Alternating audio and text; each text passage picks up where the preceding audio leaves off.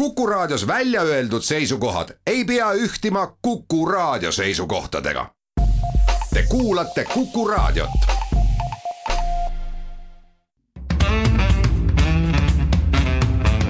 muuli ja Riikoja tere päevast, head kuulajad, kell on seitse ja pool minutit üksteist läbi, et on reedene päev, siis on ka saate Muuli ja Riikoja aeg, Kalle Muuli, Hindrek Riika on stuudios. tere päevast praegu ehk pärast kella ühte, ühteteist saab meid raadiost kuulata, õhtupoole on võimalik ka Postimehe veebitelevisioonist vaadata, aga alustame tänast saadet sellega, mis siis viimase nädala jooksul toimunud on. on see nüüd valitsuskriis või, või kuidas seda nagu täpselt nimetada, aga selle tulemusena on saanud selgeks, et kevadel tuleb rahvahääletus abielu mõiste sisu üle ja lähemal nädalal paaril saame veel mitut umbusaldust ka ehk läheb parlamendis. teine suur selle nädala teema on pensionireform, riigikohus siis langetas kahekümnendal oktoobril otsuse, millega tunnistas kogu pensionireformi olevat kooskõlas äh, põhiseadusega. ja, ja lükkas presidendi väited siis tagasi ja pensionireform siis äh, on seadusena välja kuulutatud ja läheb järgmisel aastal käima.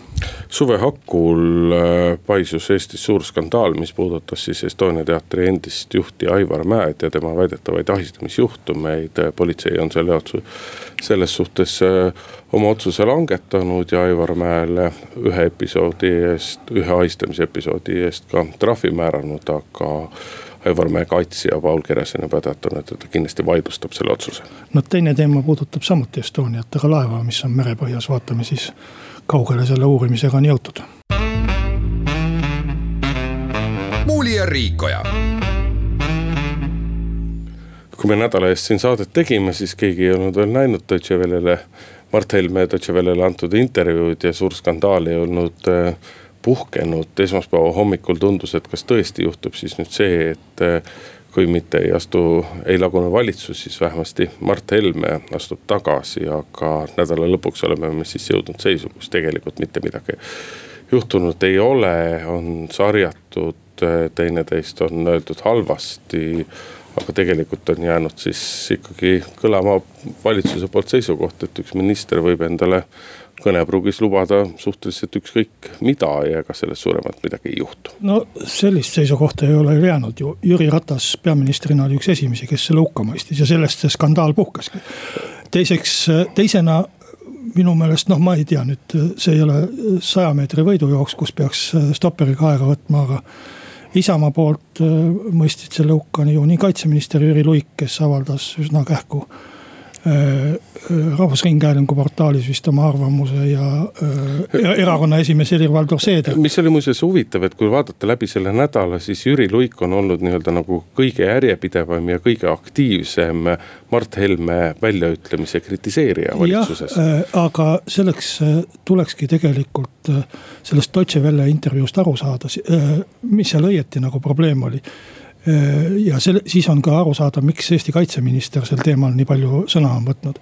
aga kui me võimendame sealt üles ainult ühe selle lause, homod jooksku Rootsis või, või Rootsi, et äh, siis jääb ka üldse tegelikult selle intervjuu taust ja, ja tähendus arusaamatuks, miks ta nii tugeva reaktsiooni esile kutsus.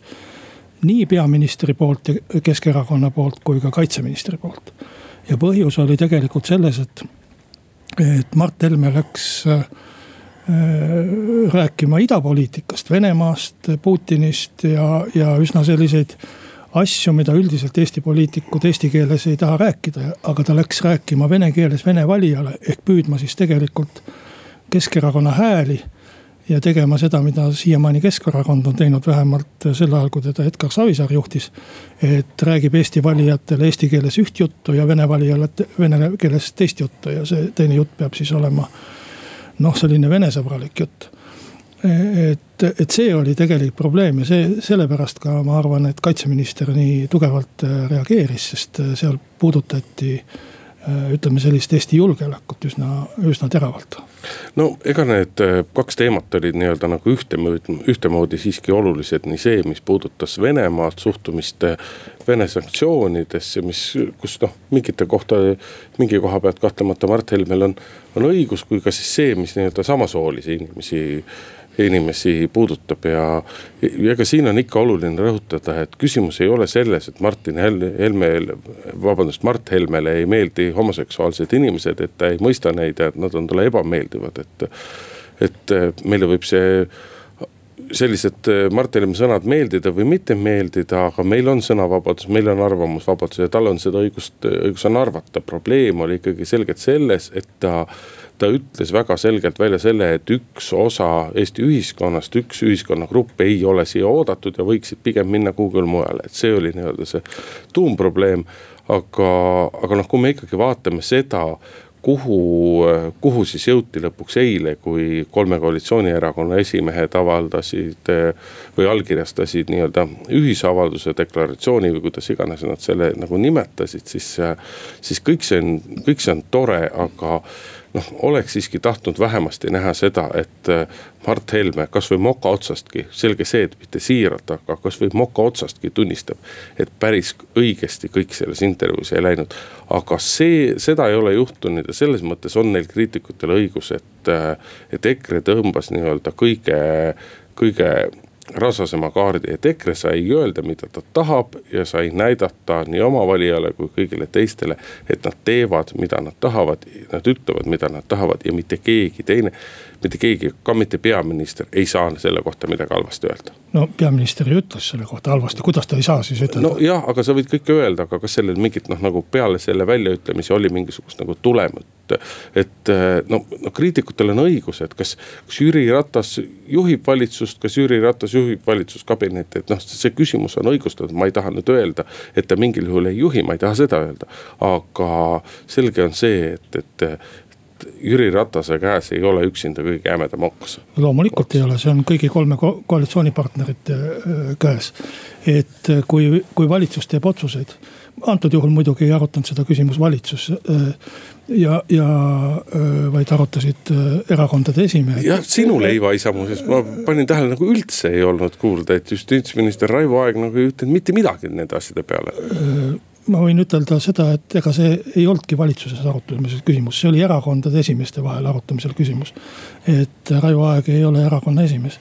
noh, paljud aga, teised ministrid võtsid sõna ja tegelikult justiitsküsimused ja, ja, teatud mõttes on need ju õigusküsimused, mille üle vaieldi, et need peaksid just nagu teie maja nagu leib olema? siin ma arvan, et õigusküsimuste üle ei olnud mingit vaidlust, et selles oli nagu arusaam päris täpselt olemas, aga kui sa räägid justiitsministrist, siis mulle meenus see, et seda olukorda nimetati väga valitsuskriisiks siin kogu aeg ja, et seestpoolt vaadates ei olnud küll äh, kordagi sellist tunnet ega ühtegi märki sellest, et oleks nagu äh, valitsus äh, sõna otseses mõttes lagunemas olnud või mingi kriis tekkimas.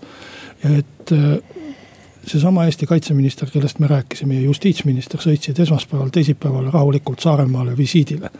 et kui valitsuses oleks mingi tuline olukord ja kujutada ette, et valitsuse juhtivad ministrid lahkuvad ära Saaremaale. juba ainult üksi see oleks võinud nagu olla selline märk, et kõik on hästi. aga, aga mis on kõige olulisem märk, kui hakkab lagunema, ma lihtsalt räägin, et inimesed oskavad jälgida teinekord uudiseid. kui valitsus hakkab lagunema, siis omavahel ei räägita. aga kui Mart Helme ütleb äh, sisuliselt Jüri Ratase kabineti ukse taga oi, küll me läheme nüüd äh, vaatame, kas me üldse usaldame seda meest ja ise astub sisse ja hakkab rääkima. Äh, siis see tähendab, et tahetakse valitsuses olla. ma muidugi ei tea, olles ka selle nädala jooksul rääkinud nagu väga mitme nii-öelda väga mitme valitsuses oleva inimese ja valitsuse nii-öelda ümber toimetava inimesega, siis.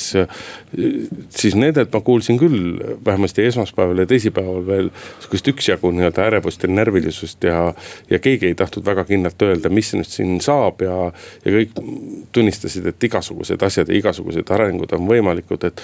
et noh, me võime nagu otsida kaotajat selles valitsuskoalitsioonist, et kas nüüd kaotas Jüri Ratas, et kas ta lasi EKRE-le endale pähe istuda või kaotas hoopis EKRE kes, kes oli sunnitud allkirjastama, allkirjastama deklaratsiooni, mille järgi noh, nad on, nad on kõige sallivamad ja kõige pühamad inim-, pühamad inimesed. vähemasti kuni selle valitsuskoalitsiooni nagu lõpuni aga noh, ilmselgelt Reformierakond nagu kaotas selles mõttes, et Reformierakonnal oli võimalus, oleks olnud võimalus siit nii-öelda nagu oma kaardid väga hästi välja mängida ja.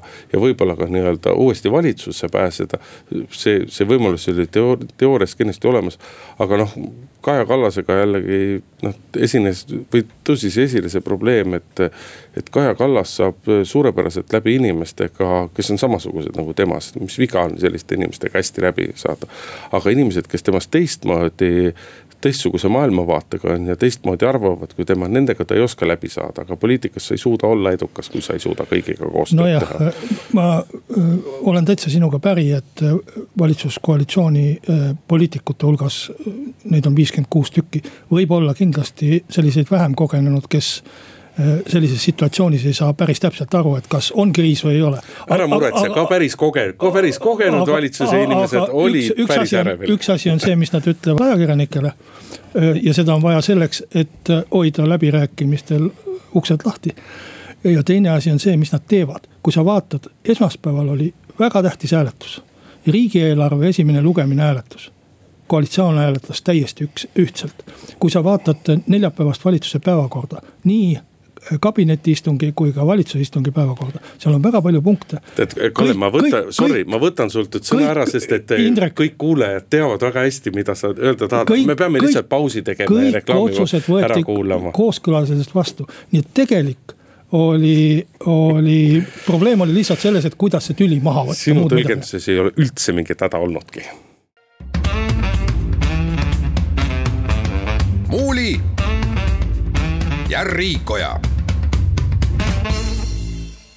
tulisemad vaidlused vaidlesime siin praegu ära, katsume rahulikumalt, rahulikumate toonidega edasi minna, et küsimus on nüüd selles, et mis siis nagu edasi saab ja kõige esimene reaktsioon on see, et äh, opositsioonierakonnad nii-öelda annavad oma tõhusa panuse sellesse, et koalitsioon, koalitsioon läheks senisest nii-öelda nagu veel tugevamana ja veel vapramana edasi. Reformierakond teatas juba, et et äh, nemad algatavad umbusalduse Mart Helme suhtes ja sotsid ütlesid, et äh, tühja sest noh, ütleme mitte sõna-sõnalt, aga sisuliselt, et tühja sellest Helmest, me umbusaldame tervet nagu valitsust ja ja vot sellistest liigutustest ma nagu aru ei saa, et äh, loomulikult on nii-öelda poliitiku töö ja eriti opositsioonipoliitiku töö üheks töövahendiks umbusaldamise avaldused on, selle vastu ei saa. aga no ka sellises olukorras praegusel hetkel minna ette, ette kaotama nii-öelda teades, et, et sul ei, midagi sellest asjast välja ei tule, noh nii sa teed ennast rumalaks ja valitsuskoalitsiooni tugevamaks, mitte midagi muud selles, muud tulemust sellel asjal ei ole. nojah, nad on äh, maha maganud selle hetke, sellesama hetke, mida ma enne reklaamipausi ütlesin. kus võis äh, arvata, et äkki mõned äh, vähem kogenud koalitsioonipoliitikud võbelevad kuidagi ja, ja neil on mingisugune ärevus. et, et Äh, tegelikult nüüd on ju kõiges kokku lepitud, nüüd on avaldatud deklaratsioonid ja need on tegelikult ju ka fraktsioonidega läbi arutatud. neljapäeval kell kaksteist läksid äh, erakondade esimehed äh, igaüks oma fraktsiooni ja, ja, ja kandsid. pretsedenditult jäeti ära valitsuse istungjärgne pressikonverents sellel puhul. et ja, ja, ja arutasid oma fraktsiooniga läbi ja said oma fraktsiooni käest mandaadi või nõusoleku selle kokkuleppe Äh, väljakuulutamiseks ja allkirjastamiseks, et tegelikult ta on riigikogu liikmetega juba läbi arutatud, nii et noh, nüüd tullakse siis äh, äh, tagantjärgi selle avaldusega, ma arvan, et seal, mis seal kõige rohkem võib juhtuda, on see, et mõned valitsuserakonnad lihtsalt jätavad hääletamata, kuna ei viitsi selle jamaga rohkem tegeleda, kuna kõik on kokku lepitud. aga noh, kõige selgem selle kriisi tulemus on muidugi see, et järgmisel kevadel, küll ei ole veel paigas kuupäev, kuupäeva, toimub siis rahvahääletus äh, selle üle, et kas, äh, et millena mõista Eesti riigis edaspidi abielu, et kas abielu on igal juhul ainult mehe ja naise vaheline ühendus või võivad abielluda omavahel ka kaks meest ja kaks naist äh, ja.... tegelikult see sõnastus ei ole kokku lepitud. ei, see on see järgmine asi. ja, me... ja, ja nii ei... seda kindlasti ei sõnastata, nagu sina praegu ette ei noh, ütleme, et see on selle asja ju sisu, kas see nüüd vormistatakse, milleks see seda siis vormistatakse, et kas miskil kombel ikkagi pannakse nii-öelda, pannakse rahvahääletusele põhiseaduse ei. muutmine. ma seda ka julgen ütelda, ehkki lõplikku kokkulepet ei ole, aga ma julgen ütelda seda, et ülisuure tõenäosusega põhiseadust muutma ei minna. ja ei küsita ka põhiseaduse muutmise kohta, vaid küsitakse lihtsalt selle abielu kohta et äh, noh, see on, see on muidugi huvitav, et kui me siin vaatame Euroopas ringi, siis, siis paaril korral on äh, nii-öelda ütleme siis, võib-olla siis ütleme mitte kuigi uuendusmeelsed riigid paaril korral on üritanud äh, rahvahääletusel äh, seda abielu mõistet sisustada, mingi kummalgi puhul see ei ole välja tulnud, sest et asi on jäänud kvoorumi puudumise taha. ehk osalusprotsent on olnud liiga madal. Eestis ei ole rahvahääletusel, ei kehti nõuet, et selle jaoks, et rahvahääletuse tulemus oleks äh, oleks siduv, et mingisugune nii-öelda miinimumosalusprotsent, et, et võib juhtuda see, et valimas käib või hääletamas käib ainult viis või kümme protsenti hääletusõigusega inimestest ja, ja kui nemad otsustavad, siis nii edaspidi nagu on. et selles mõttes äh, siin on juba tulnud äh,, kostunud esimesi hõikeid selle kohta, et äh, siis sellest Leeriks arvab, et, et abielu mõiste ei pea olema kitsalt ainult mehe ja naise vahelises liidus on juba kõlanud hõiked, et äh, boikoteerime, boikoteerime, boikoteerime, et see muidugi on nüüd kõige rumalam asi, mida nagu saada taha, teha saab, et, et kui see rahvahääletus tõepoolest välja tuleb, siis, siis mõlemad leerid, mõlema leeri poolt on igal juhul mõistlik teha korralikku kampaaniat. No.. sellepärast, et see noh, tulemus on oluline ja mitte, mitte valimine või, või mitte hääletamine ja millegi boikoteerimine on kõige rumalam, mida teha saab. no poliitikas öeldakse, et ootame ära ja, ja minu meelest on kõige naljakam, kui hakatakse otsuseid langetama enne, kui rahvahääletust ei ole veel väljagi kuulutatud ja kui ei ole teada isegi täpne küsimus. et need peaks ära ootama ja siis hakkama oma seisukohta kujundama üldse selle hääletuse suhtes ja ka poolte valiku suhtes. aga mis ma tahan. sinu jutust kõlab nagu, nagu selle hääletuse sisu oleks kuidagi ebaselge, et meil on ju väga see, meil on väga selge see, et hääletatakse selle üle, kas abielu on ainult mehe ja naise vaheline või on, või võivad abielluda ka kaks meest, kaks naist, eks, kuidas see küsimus nüüd täpselt sõnastatud on, see on omaette küsimus, sisu on selles. koalitsioonipoliitikud ei arutaks seda küsimust nädalate kaupa, kui see saatan ei peituks detailides, et. aga ma, sisu on sisu Äh, mis ma tahtsin ütelda, on see, et äh, ma isik, isiklikult arvan, et mulle meeldib esindusdemokraatia ja mulle meeldiks, kui parlament saaks kõikide asjadega hakkama. ja ma ei pea üldse rahvahääletust mingiks jube heaks ja, ja, ja toredaks vahendiks seadusandluse kujundamisel. aga samas ma ei leia ka seda, et kui rahva käest midagi küsitakse ja rahval on võimalus vastata kolme moodi, poolt, vastu või üldse jätta vastamata et siis see oleks kuidagi kedagi diskrimineeriv või kiusav. et sel-, sellest Seda tahaks, sellest aga, tahaks küll loobuda. aga hea tava on siiski see, et vähe, et enamus ei pea vähemuste üle selliseid asju otsustama, aga teeme siinkohal pausi, kuulame ära pooltunni uudiseid, siis oleme tagasi. muuli ja Riikoja jätkame saadet stuudios Indrek Riikoja ja Kalle Muuli räägime nüüd pensionireformist, riigikohtust tuli siis kauaoodatud otsus, mis, millega riigikohus leidis, et siis presidendi poolt vaidlustatud sätted on siiski igati põhiseadusega kooskõlas noh. ütleme siiski, et noh, ta on põhiseaduspärased. sellepärast, et riigikohus ju tõdes, et nii-öelda nagu põhiseadusega riiveid tekib ja ja no minule kõige rohkem meeldis ikkagi Villu Kõve, riigikohtu esimehe avaldus või ütelus, ma ei tsiteeri sõna-sõnalt, aga mille mõte oli see, et. et seadus on tõepoolest halb, aga et riigikohus ei saa selle üle otsustada, kas seadus on halb või mitte, vaid ikkagi ainult põhiseaduspärasus. no riigikohus äh, ei otsusta kunagi seaduse headuse üle, selle otsust-, üle otsustab parlament. aga meil on võimude lahusus, aga äh, nojah äh, sa oled nii rõõmus, et sa ei oska kohe midagi öelda selle peale. ei, pigem noh, mis rõõmus me ausalt öeldes me olime kindlad, et me teeme selle seaduse nii või teisiti ära. et ka siis, kui riigikohtust tuleb äh, mingisugune noh, märkus.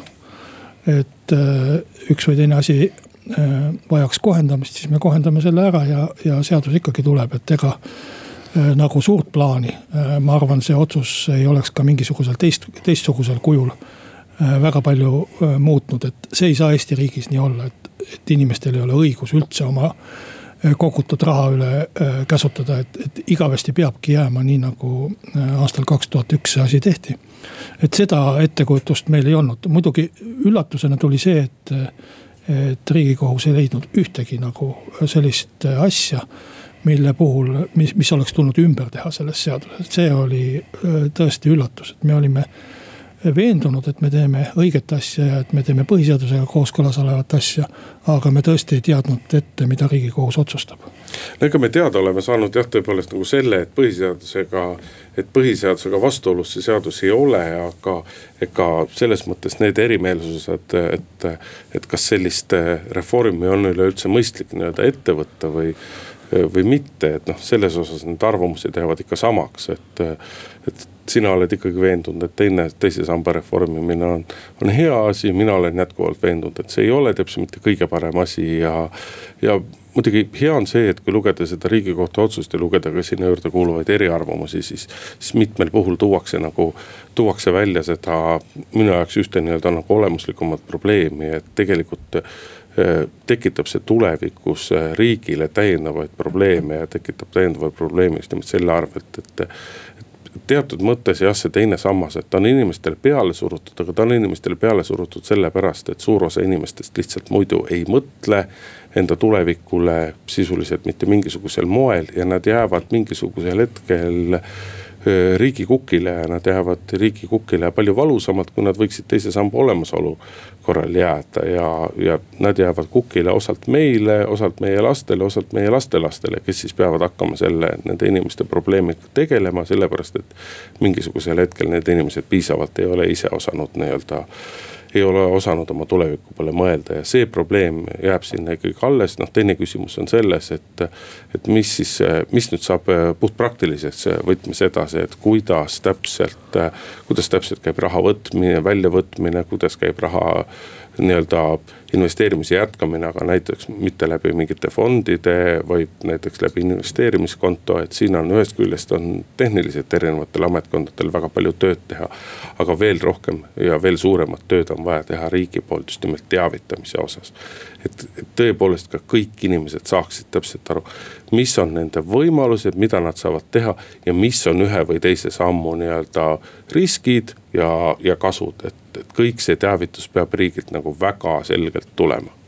noh, eks ta tuleb, sellepärast et äh, praegu on vist äh, ma ei tea isegi, kas seadus on jõustunud, äh, president on ta küll välja kuulutanud, aga. aga praegu on ju nii lühikest aega mööda läinud ja seda teavitustööd teevad ju pangad ja ja kindlustusseltsid ise, osa sellest teavitustööst on isegi seadusega nendele peale pandud, investeeri- või kindlustusseltsid peavad inimestele teatama, et neil on õigus juba sõlmitud lepinguid üles ütelda ja nii edasi. et aga ma tahtsin seda riivet kommenteerida, enne kui sa rääkisid sellest, kui rõõmus ma olen et tegelikult see võib inimestele jätta tõesti imeliku mulje, et nüüd riivatakse põhiseadust, aga tegelikult olukord on selline, et peaaegu et iga seadus riivab põhiseadust, et see on täiesti loomulik, et kui sa kehtestad mingi maksuseaduse, see riivab inimese õigust oma omandile ja rahale. kui sa paned kurjategija vangi, see riivab tema õigust vabadusele.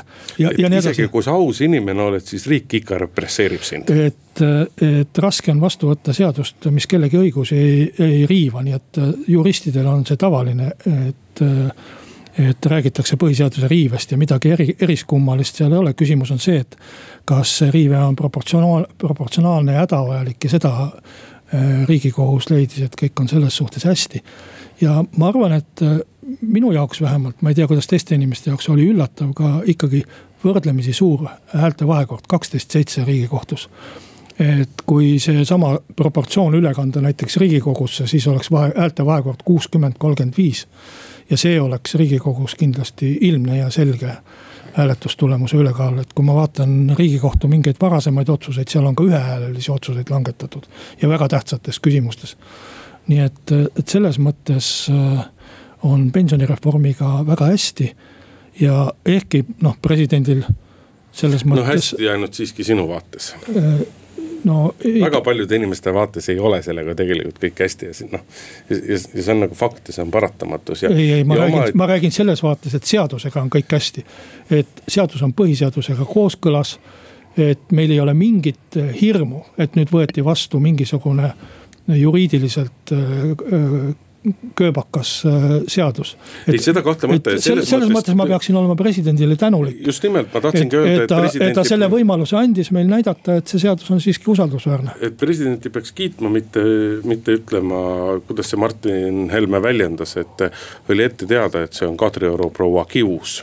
tegelikult mis president väga halvasti tegi ja mispärast ma arvan ka, et see on Kadrioru proua kius, kui nii ebaviisakat sõnastust kasutada. mina nimetaksin teda presidendiks ja ütleksin, et tema motiivid olid poliitilised, sest ta teatas enne veel, kui isegi seaduseelnõud oli olemas.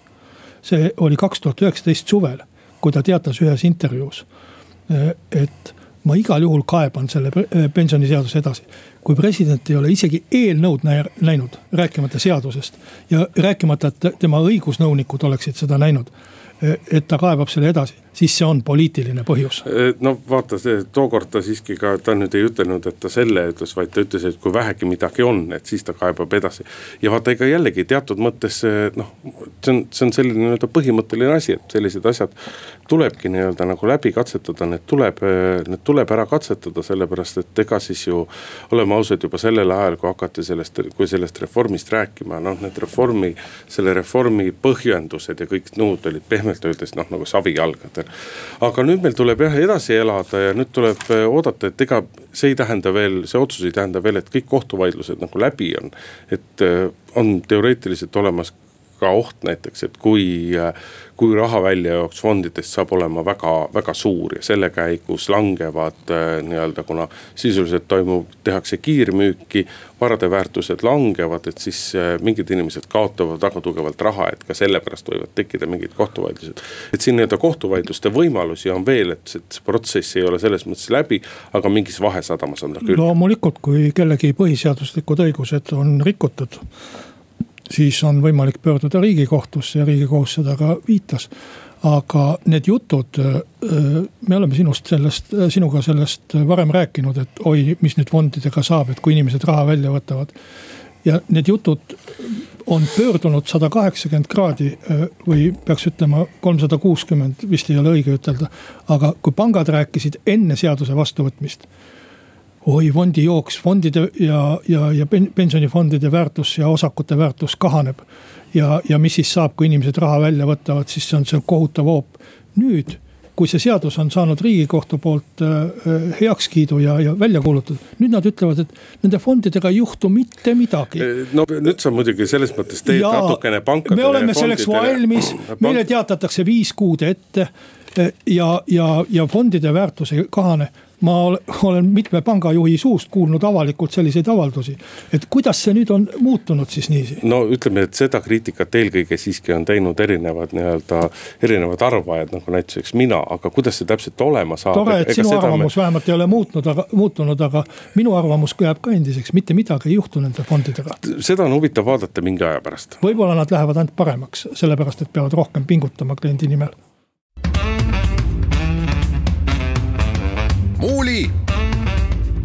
ja Riikoja.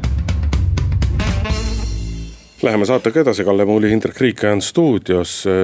vastu suve lahvatanud ahistamisskandaal Estonia teatris on jõudnud vahepostini, politsei on määranud või politsei on öelnud, et vähemasti ühes episoodis on seksuaalne ahistamine Aivar Mäe poolt siis äh, ühe alluva suhtes äh, tõestamist leidnud, selle eest on määratud Aivar Mäele trahv. trahvi suurust ja süüdistuse sisu ei ole siiamaani avaldatud. Äh, aga Aivar Mäe esindaja Paul Keres on juba jõudnud teatada, et et see otsus kahtlemata kaevatakse edasi ja mis on sihukene noh, ma ei oska öelda, ärevust tekitav, mis see on. on üks sihuke nii-öelda detaili viide, mille Paul Keres on teinud, et, et seal süüdistuses räägitakse, et asi juhtus ajal, kui väidetavalt Aivar Mäed üleüldse seal kohal ei olnud.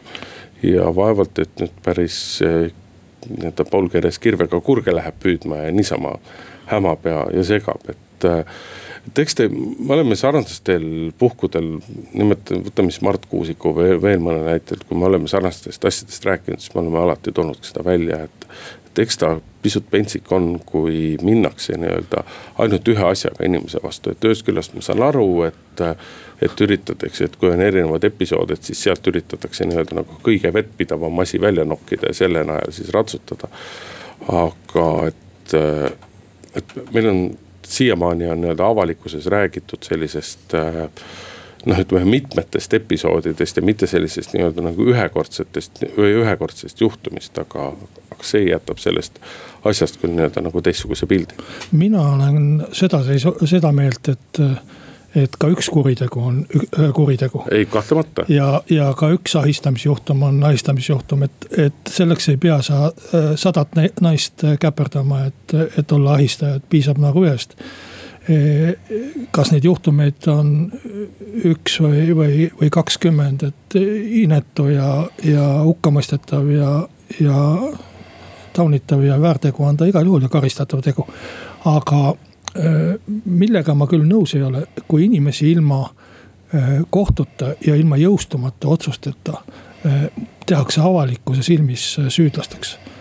et ahistamisjuhtumid eriti on sellised asjad, mida, mis võivad kohtutes pöörduda ja, ja, ja, ja tõlgendus võib hoopis teine olla ja milles noh, ma ei tahaks küll kedagi nüüd äh, selle konkreetse juhtumi puhul süüdistada ja, ja, ja ühegi konkreetse juhtumi puhul, aga on olnud palju juhtumeid maailmas.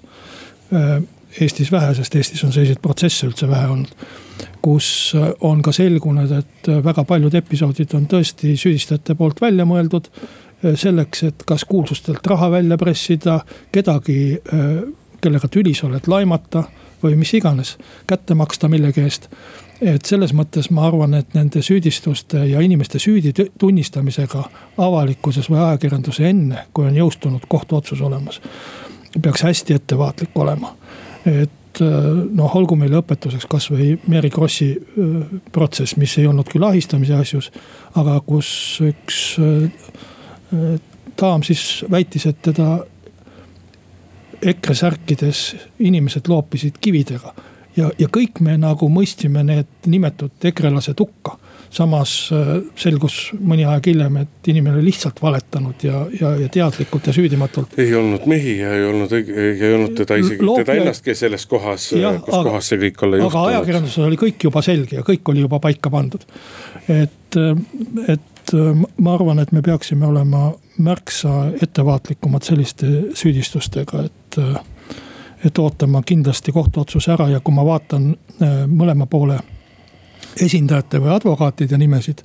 Maria Mägi-Rohtmets ja Paul Keres, siis ma olen noh ikkagi üheksakümne viie protsendi ulatuses veendunud, et see asi läheb riigikohtuni välja. ei, seda kahtlemata, et ega ja, ja see on täiesti mõistetav, et ei saa ju Aivar Mäe kuidagi jätta seda asja nii-öelda poolikuks ja tema seisukohast peab tema igal juhul nii-öelda võitlema välja kuni kuni nii-öelda viimase võimaluseni, aga no.. ma arvan, et ka süüdistajate puhul peab viimase võimaluseni välja võitlema ja tegelikult olekski hea, kui me saaksime väga kõrgel tasemel lahendi sellele asjale. loomulikult oleks hea.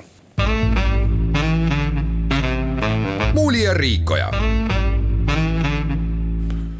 parvlaeva Estonia huku uurimine on sellel nädalal taas jälle nagu rohkem teemaks tõusnud, et oma väärika panuse sellele andis muidugi omaaegse laevahuku uurimiskomisjoni esimese juhi Andi Meisteri intervjuu selle nädala, sellel nädalal Postimehes.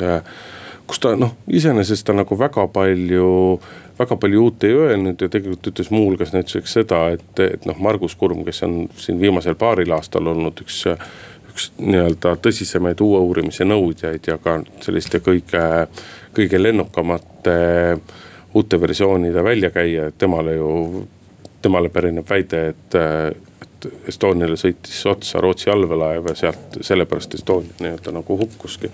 aga kõik see on jälle pannud jah mõtlema selle peale, et või paljusid inimesi küsima siis selle peale, et lubati siin mõne nädala eest, kui tuli välja, et Estonia laevakerest on ikkagi leitud augud, mille olemasolust seni väidetavalt midagi ei teatud, et siis lubati kiiret uurimist. noh, vahepeal jah, siin Mart Helme ja Martin Helme muidugi jutud sellest, kuidas laev tõstetakse ülesse ja kõik hukkunud tuuakse tuuakse, tuuakse ülesse ja inimeste asjad tuuakse üles ja jaotatakse omastele laiali, noh läksid fantastika valdkonda, siis noh taustal on ju tegelikult riigisekretäri juhtimisel käinud kogu aeg töö nii-öelda selle uurimiskomisjoni loomiseks, aga, aga väga palju sellest kuulda ei ole olnud, et selles mõttes seda tahaks küll paluda nii-öelda riigi poolt, et, et see asjade käigust antaks nii-öelda nagu selgemat ülevaadet ja võib-olla oleks ka võimalus mingeid asju natukene nagu kiiremini teha. no vot minu meelest see on natuke vale palve. et kui see uurimine ükskord läbi saab ja raport on valmis, siis keegi ei küsi, kui kiiresti seda asja uuriti, vaid küsitakse, kui hästi seda asja uuriti ja, ja selles mõttes noh. Need kaks asja ei välista teineteist. Äh, ma arvan, et selle uurimise puhul ja, ja üldse uurimiste puhul tihtipeale on need äh, vastuolulised nõudmised. see vrakk on seal laeva või merepõhjas olnud kakskümmend kuus aastat. ja, ja küllap ta on veel mõned aastad veel ja väga tõenäoliselt. no küllap ta jääbki ikkagi sinna, sest et no,. selles ma, selles ma nii kindel ei oleks. arvad, et tõstetakse üles? ma ei tea, kas minu eluajal, aga kindlasti kunagi. et enne see vaidlus ei lõpe või see vandenõuteooriad, aga ja ei lõpe siis ka, aga et me peame seda uurimist tegema väga hästi ja, ja väga kvaliteetselt ja usaldusväärselt ja nii et siiski vähendada seda kahtlust või vähemalt mitte kahtlusi suurendada, et mätsitakse jälle midagi kinni. ja, ja sellepärast esimene asi ja mida praegu tehakse, on äh, moodustada see komisjon niiviisi, et see oleks usaldusväärne ja eelkõige on vaja, et sellel komisjonil oleks äh, usaldusväärne ja autoriteetne juht. kes oleks vähemalt Eesti avalikkuse silmis äh, noh, laitmatu renomeega või reputatsiooniga või või mis iganes ja, ja mõjuks ka autoriteedina. kelle puhul ei tekiks kahtlusi, et ta, et ta ei tea, mida ta uurib ja millega tegemist on. ja, ja et ta oleks ka sõltumatu, see noh, et nii, nii näivuselt kui ka päriselt sõltumatu. ja, ja, ja teisest küljest ta peab siis Äh, sobima vähemalt ka soomlastele ja rootslastele. noh, selles mõttes, et nad äh, on nõus temaga koos töötama. noh, eelkõige me siiski peame lähtuma endast ja, ja meie asi on tagada, et soomlased, rootslased kindlasti oleksid ühes paadis kaasas, aga tänase saate aeg on otsas, Kalle Muuli ja Hindrek Riik olid stuudios ja nädala aja pärast kell üksteist reedel on jälle meie saade. muuli ja Riikoja